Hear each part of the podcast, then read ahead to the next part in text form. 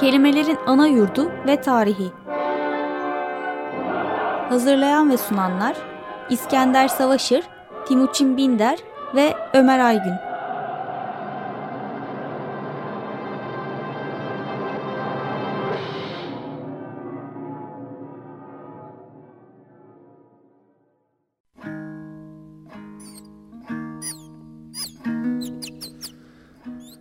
İyi akşamlar efendim. Fonda dinlediğiniz kuş sesleri aslında bir insana ait. Sarumay isimli Güney Sibiryalı genç bir şarkıcı. Halen St. Petersburg'da bir Budist manastırda müzik ve şan eğitimi görüyormuş. Ne yapıyor böyle kuş sesleri çıkararak diyeceksiniz. Aslında müziği ibadete yaklaştırmaya çalışıyor. Sesi ibadete yaklaştırmaya çalışıyor. Geçtiğimiz programda söz demiştik ve söz dediğimizde ilk aklımıza gelenin bir şeyi temsil etmek olduğunu, doğru ya da yanlış olmak olduğu gibi bir yanılsama içinden konuştuğumuzu söylemiştik. Oysa çok başka şeyler de yapabiliyor ses. Söz. Söz vermekte olduğu gibi insanı bağlayabiliyor. Burada olduğu gibi doğal dünyaya karışmak için bir vesile olarak da kullanılabiliyor. Ben şimdi susayım şarkının sonunda devam ederiz.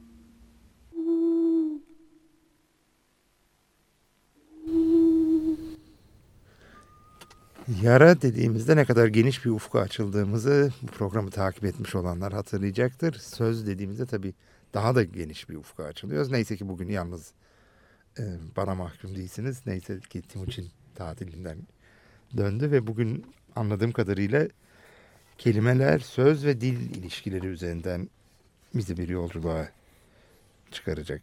Yani kelimeler sözlerle ne kadar ilişkili, dille ne kadar ilişkili falan gibi temalardan bahsediyordun.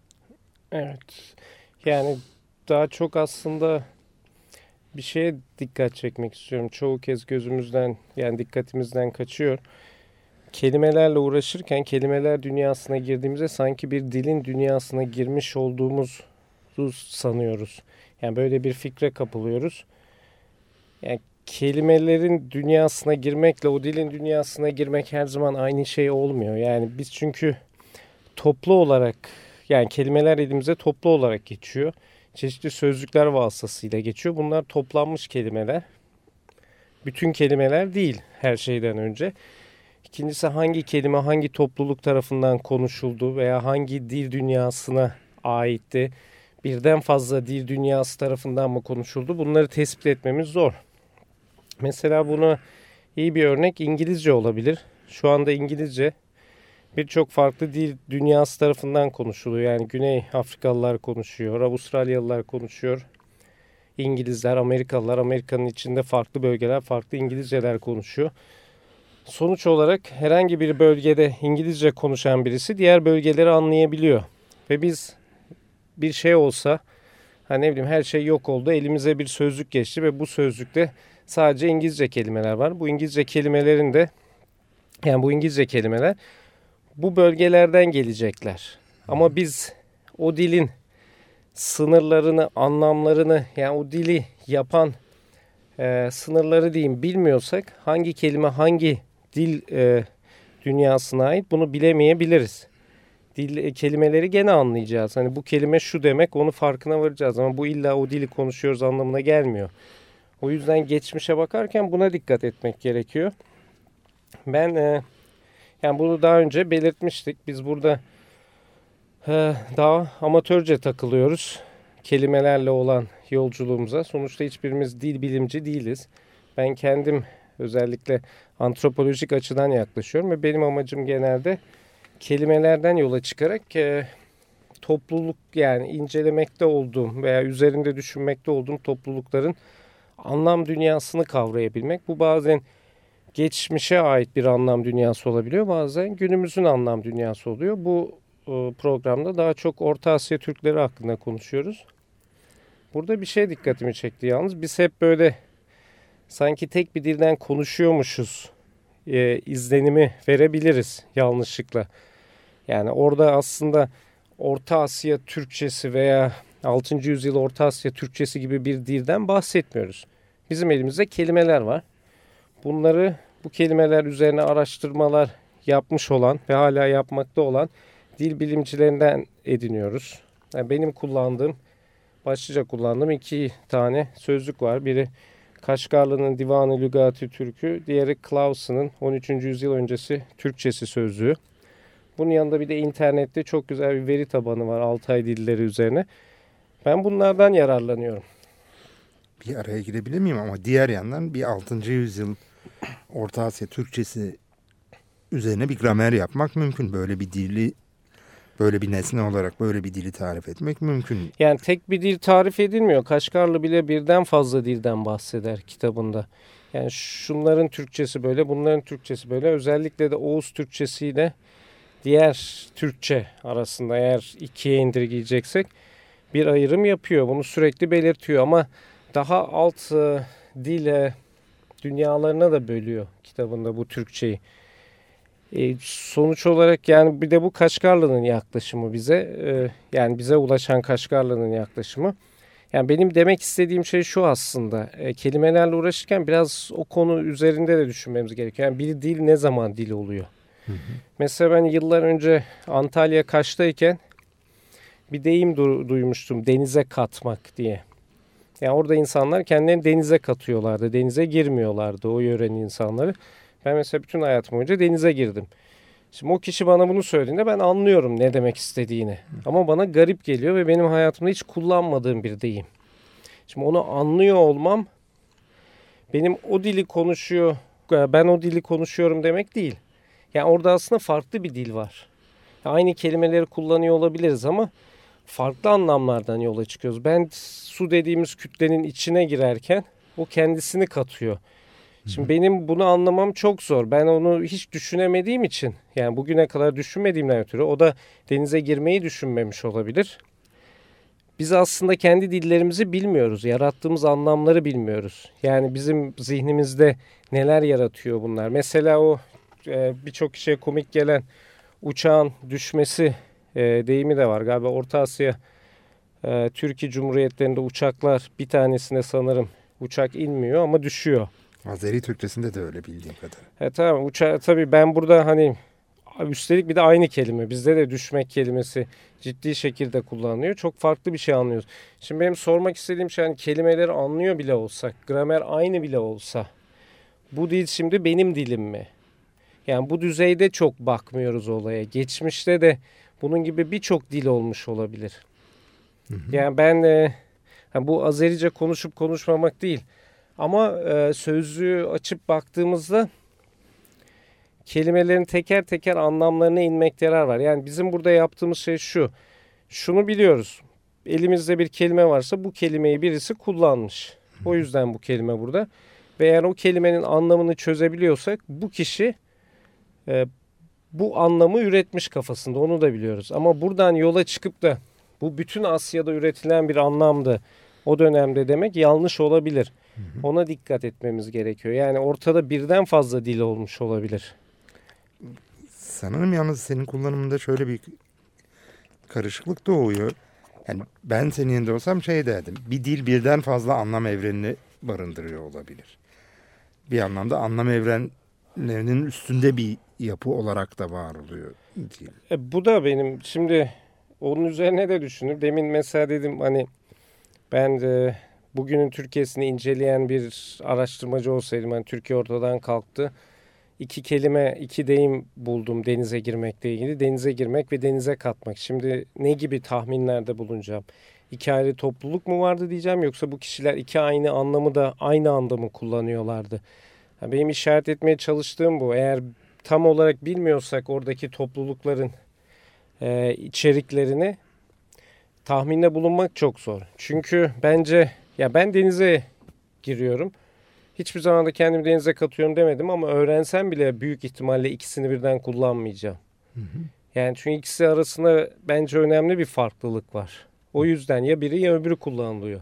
Hı hı. Ha, bunun gibi başka sözcükler de çıkıyor karşımıza. Yani e, bazen uçakla iniyoruz bazen düşüyoruz demeyeceğim muhtemelen. Birini kullanacağım. Yani iki aynı anlam aynı anda var olabilir mi bir dilde? Bir de dili çeşitli e, alanlara da bölebiliriz. Gene Orta Asya Türklerine baktığımızda mesela binicilikle ilgili terimlerin ürettiği anlamlar olabilir. Ticaretle ilgili terimlerden ötürü gelen anlamlar olabilir. Şimdi acaba bu anlamlar yani her iki grupta bir topluluğa mı karşılık geliyor yoksa bunların arasında bazı anlamlar bazı topluluklara bazıları başkalarına mı karşılık geliyor?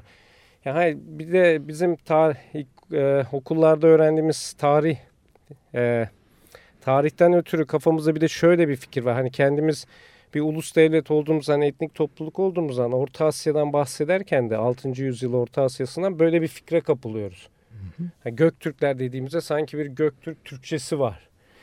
Acaba o Göktürk Türkçesi mi yoksa orada her aşiretin farklı ağızları, diyalekleri mi var? Ya da daha ötede bir şey mi söz konusu? Değişik anlamlardan da bahsedebiliyor muyuz? Mesela bazı kelimeler bize hiç ulaşmamış. Bazıları da hala bizimle birlikte bir kısmı da anlam değiştirmiş bizle birlikte. Hani düşünceden bahsetmiştik. O düşten geliyor. Mesela söz kelimesi, sav kelimesi bir de ay kelimesi var. Hani ay söylemek. Öyle mi? Yavaş yavaş o köklere giriyoruz yani. Yani ay, e, ay sır ikisi de söylemek ve e, 13.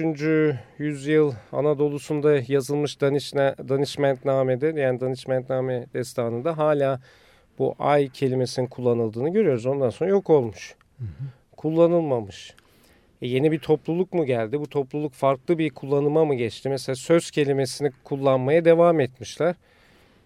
Şimdi elimizdekilerden yola çıkarak çok fazla e, ileriye de gidemiyoruz. Yani ben aslında yani benim anladığım kadarıyla ay kelimesi daha bir daha bir e, ana kelime yani söylemekle konuşmakla ilgili bir kelime. Söz e, söylenen şey ağızdan çıkan şeyler ve zamanla söz sözlüğe dönüşmüş oradan da söyleye dönüşmüş. Yani söylemek fiili daha sonra geliyor. Gene bir demek kelimesi var. O bizle beraber hala çok eski dönemden beri geliyor. Ayrıca sav var. E, sav e, sözden daha büyük bir şey. Bir metin gibi olabiliyor. Yani bütün bir e, metin yani savın içinde birçok söz olabiliyor. Yani Türkçe'de bugün iddia diye karşı, iddianın karşılığı olarak kullanıyoruz savı genellikle. Bu yani o bizim kullanımımız şimdi. Benim anladığım kadarıyla 6. yüzyılda bu daha çok hani bir konuşma yapmak hani e, konuşmayı anlatmak için kullanılmış gibi gözüküyor. Yani 3-4 cümle veya mesaj.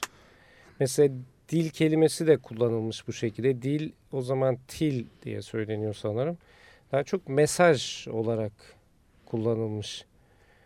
Ee, ondan sonra dile dönüşmüş yavaş yavaş. Hani bizim bugün anladığımız dile dönüşmüş ama ilk başta daha farklı bir anlama sahip gözüküyor.